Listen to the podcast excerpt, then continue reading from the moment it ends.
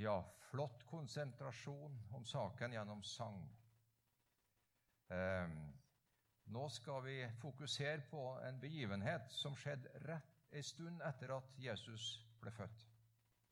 Og det er altså de vise menn som kom til den der fødeplassen. Og hva kan ligge bak den der hendelsen, den merkelige hendelse? Og jeg er blitt spurt om å undervise litt om det er å være litt guide, for eh, det er jo kanskje kjent at eh, jeg er litt overinteressert, eh, gjennomsnittlig interessert i stjernehimmelen. Og jeg har også hatt gleden av å være med i Tromsø astronomiforening i mange, mange år. Og til og med vært ofte gjest hos NRK når de skal presentere viktige sånne hendelser på stjernehimmelen. Så det har vært en fascinasjon som har fulgt meg fra jeg gikk i åttende klasse, faktisk. Hva kan det være som ligger bak det der med Betlehemstjerna? folk spurte meg om og bedt meg guide litt på det punktet. Er det bare en, en myte, en oppbyggelig fortelling, eller er det noe realiteter bak det? Det er Matteus som i kapittel 2 har denne fortellinga. Matteus var jo jøde opptatt av vitenskapelige ting. og Jødene er jo de, de som har mest nobelpriser i, i, verden i forhold til folketall. Så det er liksom litt utforskende folkeslag. Og han har altså med denne spesielle begivenheten Matteus, som vi vanligvis bruker i jula, han har jo ikke med det her. Han var jo lege, så han var opptatt av litt av eh, eh boforholdene og, og, og krybba og, føde, altså litt av det der ytre tingene i forbindelse med fødsel. Eh, det tilhører jo hans yrke. Men Matteus hadde et annet fokus, og hva kan ligge bak det der som han har fokusert på. Jeg har aldri holdt denne kunnskapen unna, unna offentlig interesse. Har, eh, sist eh, jul så skrev jeg en kronikk for universitetet som het 'Dagen det snur'. Og Den brukte universitetet som en julekronikk, og til og med Nordlys trykte den. Så det, det, her har jeg brukt å framsnakke i mange sammenhenger. Fordi eh, i og med at jeg har en viss ekstra innsikt i stjernehimmelen gjennom noen tusen timer under flammende havet. Først tar jeg, et litt folkelig utgangspunkt, for ikke å fortape oss i vitenskap og detaljer her. Et år så fikk jeg ideen gå rundt på Stakkevollan, der jeg bor, og finne de vakreste julestjernene i vinduene til folk. For det med julestjerna og Betlehemstjerna har en såpass dyp folkefascinasjon at de fleste henger opp en stjerne. Og var det vakreste jeg finner på hele Stakkevollan. Der bor det flere tusen mennesker. var det vakreste. Så du kan jo se på skåringslista di, så skal jeg vise fram eh, eh, sju eksemplarer. Så ser du hva som er vakrest. Der er én. Der er ei faktisk meg sjøl har laga på garasjeveggen vår.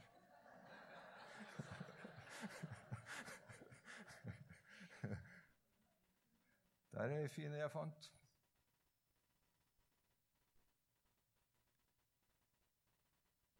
Mange vakre motiver, litt asymmetri i stjernene og sånt. Det kan jo bare gjøre susen, det.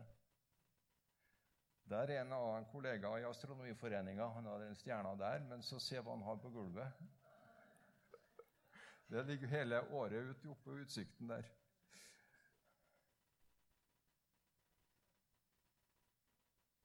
Vakre lys som liksom stråler ut i gatene til folk. Det skaper julestemning. og De henger der fortsatt stort sett helt til soldagen kommer nå. 21.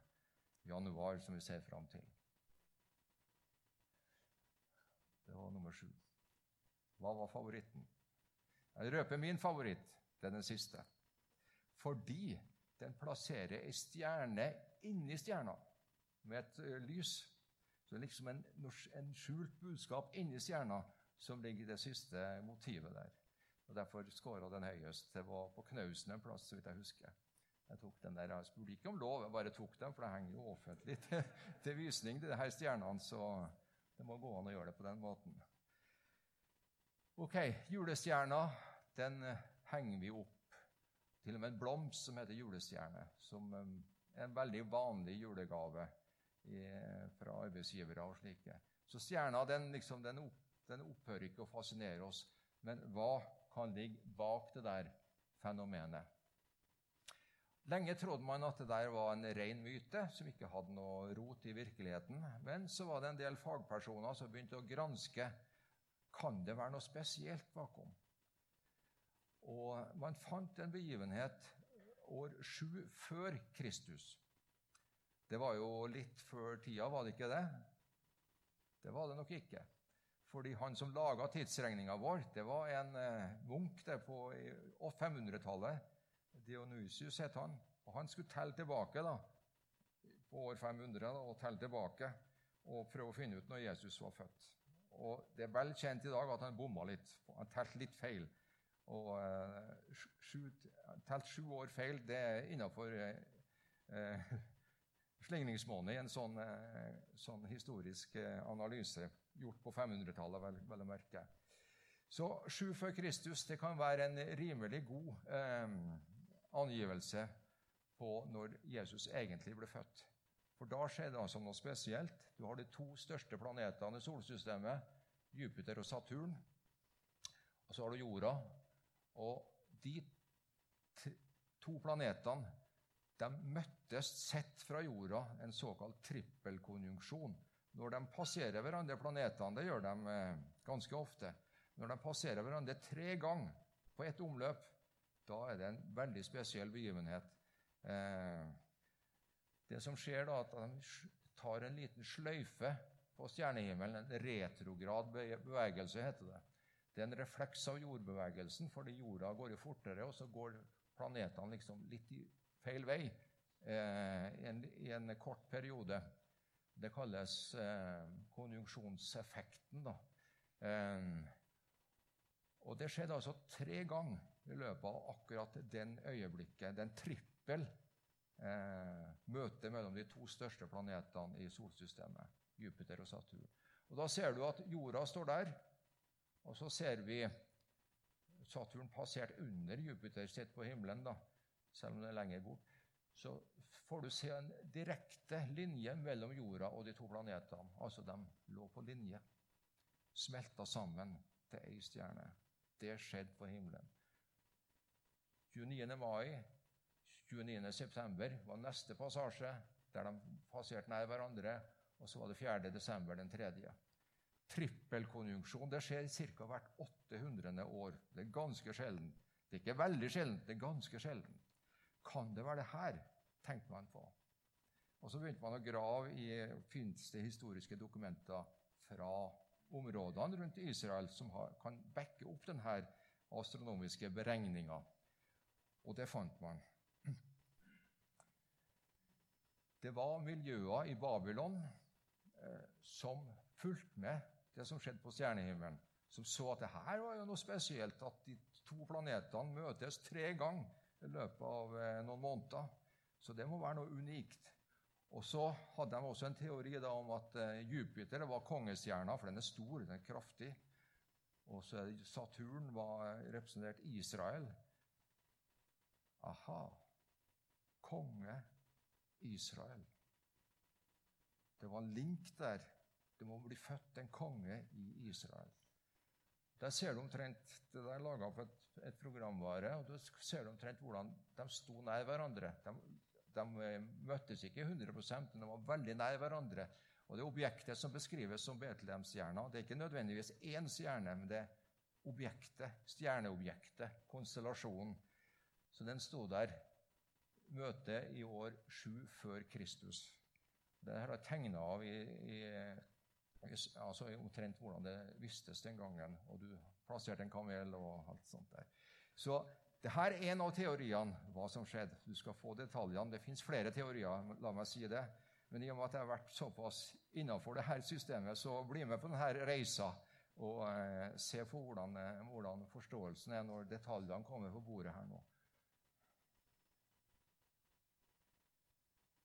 På de punktene der så står planetene stille for stjernehimmelen. En planet betyr en vandrestjerne. Det beveger seg over stjernehimmelen. Men akkurat der har de et så stasjonær punkt, som det heter. Det er også veldig veldig spesielt å beregne de stasjonære punktene. Og Det fantes altså miljøer som fulgte med sånne ting. Vi har tabeller på det. De fulgte med og forska på det og var innafor det man vil kalle en eh, vitenskapelig tradisjon. De kalles for magerne. Magi. Der har vi ordet magi. da. De hadde ekstrakunnskap som ikke andre hadde, de her gjengen der. Og De var også sala opp en del kameler og reiste sannsynligvis fra De kom fra øst. da. Og naturlig, Når du skal fødes en konge, så er det naturlig at det her må være i Jerusalem. er det ikke det? Du drar til hovedstaden i Israel, Jerusalem.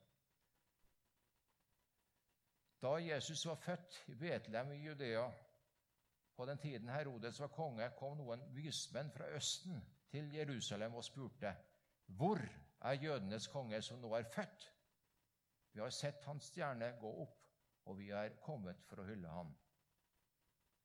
Betlehem i Judea, svarte de, for slik står det skrevet hos profeten. Du Betlehem i Judea, land, land Du Betlehem i Judea, land er slett ikke den ringeste av fyrstene i Judea, for fra deg skal det komme en fyrste som skal være hyrde for mitt folk Israel. Slik begynner Matteus sin eh, julefortelling. Og her er himmelen over Betlehem på det første øyeblikket der de står nær hverandre, 29. mai, som jeg viste dere. Slik var det omtrent og kom fra øst og inn mot Jerusalem. Du så de to planetene i en veldig spesiell konstellasjon som de hadde kunnskap om, og at det var spesielt. Og de kom og så det der. Sånn kan vi tenke oss at de så det. Og det er klart, det er ikke noe spesielt spektakulært fenomen sånn visuelt. det er det ikke.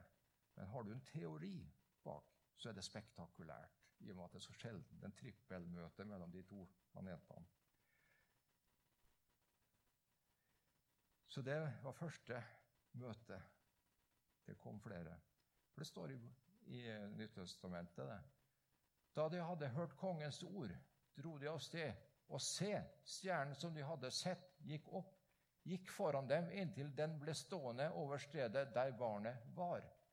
Da de så stjernen på nytt, da, ble de fylt av jublende glede. Det er liksom en forsker som har eh, funnet ut det stemmer her. Da jubler de innabords, i hvert fall. Og eh, det var en jublende glede der. De gikk inn i huset og fikk se barnet hos moren Maria, og de falt på kne og hyllet ham. Så åpnet de skrinene sine og bar fram gaver til barnet gull, røkelse og myrra. Så de fikk hjelp, profetisk hjelp i Jerusalem. Det var ikke nok med stjernefenomenet. De måtte ha profetier fra Bibelen også for å komme fram. Og så dro de sørover da, fra, fra, fra Jerusalem. Der er Betlehem. Og da så det sånn ut. Der altså Åsen mot Betlehem klokka eh, den 12. november, altså litt lenger utpå høsten i år 7 før Kristus. Så Der er det to objektene, og der er det som kalles for eh, zodiaken, altså en refleks av Melkeveien. Eh, eller eh, ikke Melkeveien, da, men det, er et sånn eh, spesielt fenomen som lyser litt oppover eh, horisonten der. Og det peker liksom nedover. Da jubla de gjengen. De gjorde det. Og jeg ville også gjort det. Det må jeg innrømme. Jeg vet ikke om du ville gjort det, men hvis du vet teorien bak det her, og låner tankene liksom til begivenheten, så skjønner du at aha, det her er stort, altså. Og de gikk inn i huset og fikk se barnet.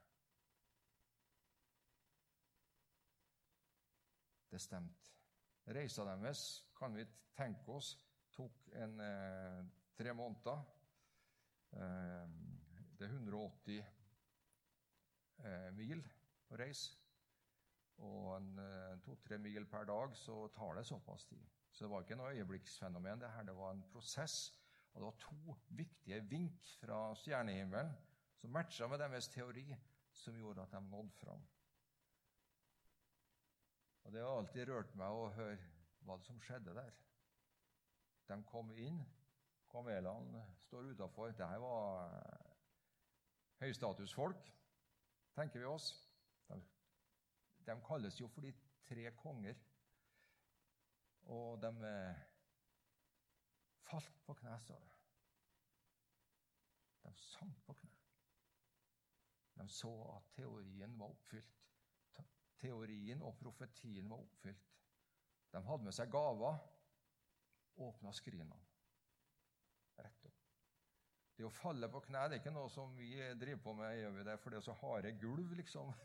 Det, her er enten sement eller tregulv, men i ørkenen så er det jo deilig å falle på kne på, på ørkensand. Sånn tenker jeg meg det. Det nærmeste vi kommer, kanskje er det å stå, reise oss opp. Å stå oppreist. Gjerde, det har vi ikke lov til nå pga. smittevernet. Men, men altså, det er det nærmeste vi kommer. Og jeg vet om Fra universitetet så var det en episode der kongen skulle komme på besøk. Og Det var en av de eh, litt radikale folkene bortpå der da, som sa at han skulle behandle kongen som en vanlig person. Han skulle ikke reise seg, han skulle ikke gjøre noe spesielt. bare. Han kalte han jo for Laffen, den gamle kongen. Det var han det er snakk om her. Og han skulle bare vanlig, vanlig behandling som like får. Og plutselig så sto kongen der på deres møterom. da. Han fortalte sjøl jeg reiste meg opp automatisk. Musklene mine overstyrte alt av min, min teori oppi der. da. Jeg bare reiste meg opp og sto der. Jeg visste ikke at jeg gjorde det, men jeg gjorde det. Det var automatikk i det. Så slikt av det der. De falt på kne. De lå der, de hylla han.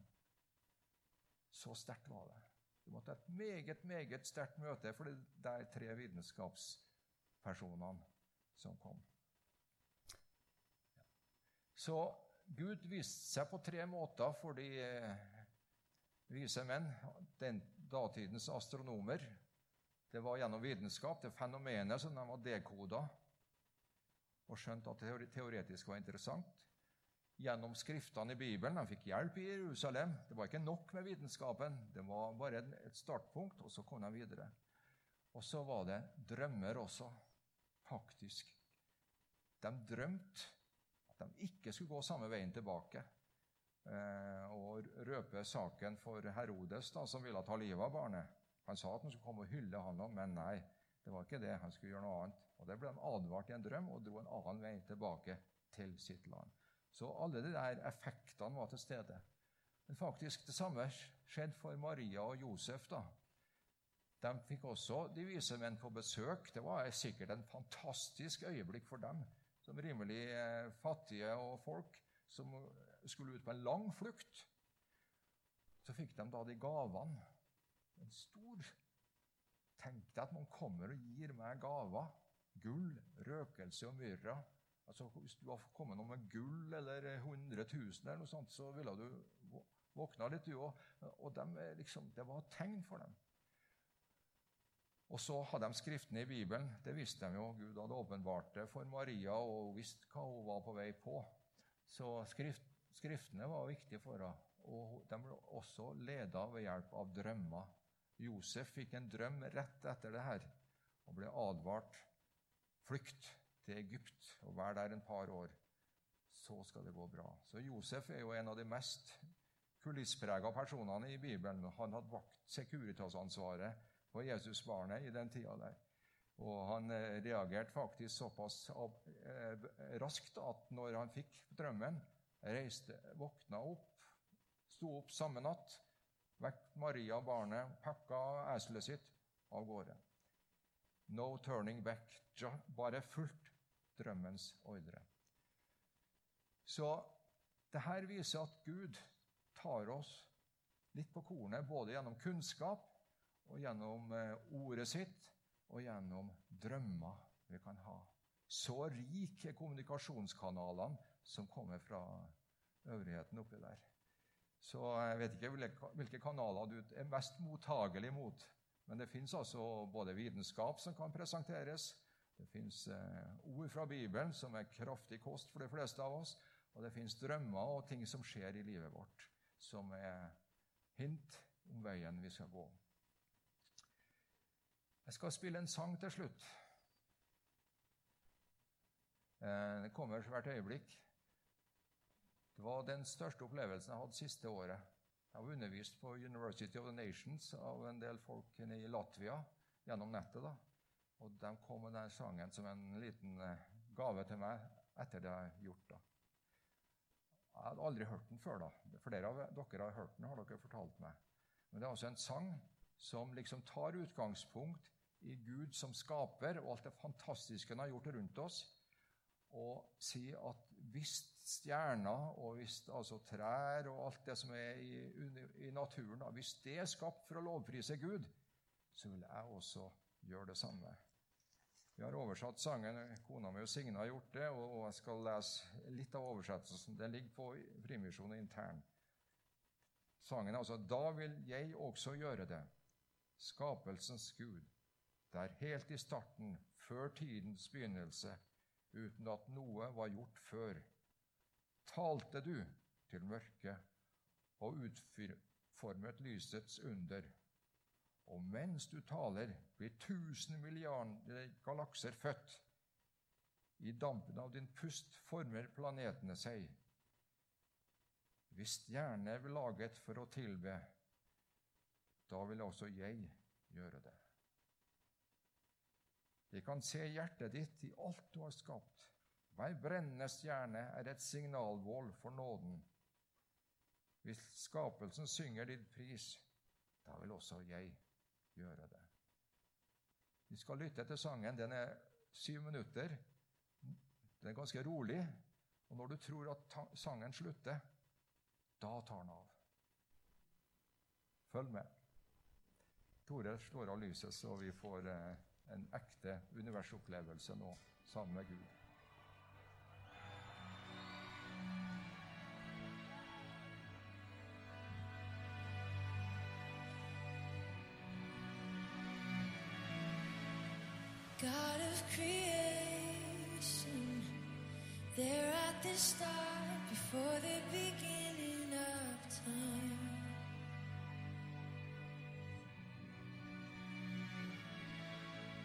With no point of reference, you spoke to the dark and fleshed out the wonder of light.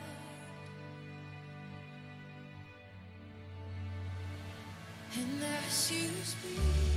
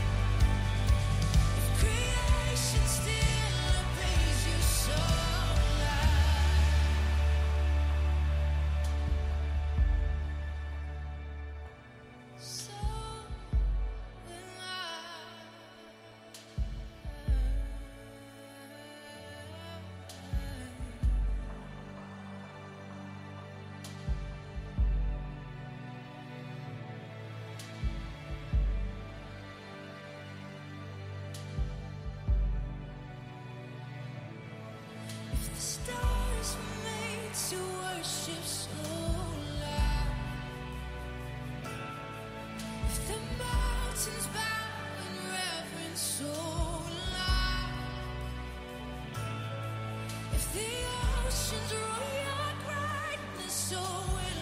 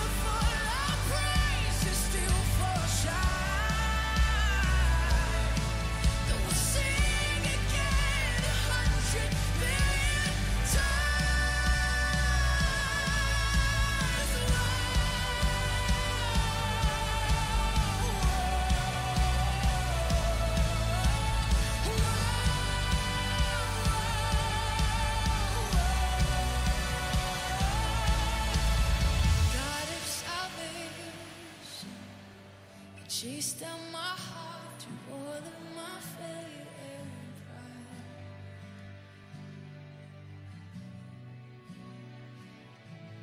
The you created, the light of the world, abandoned in darkness.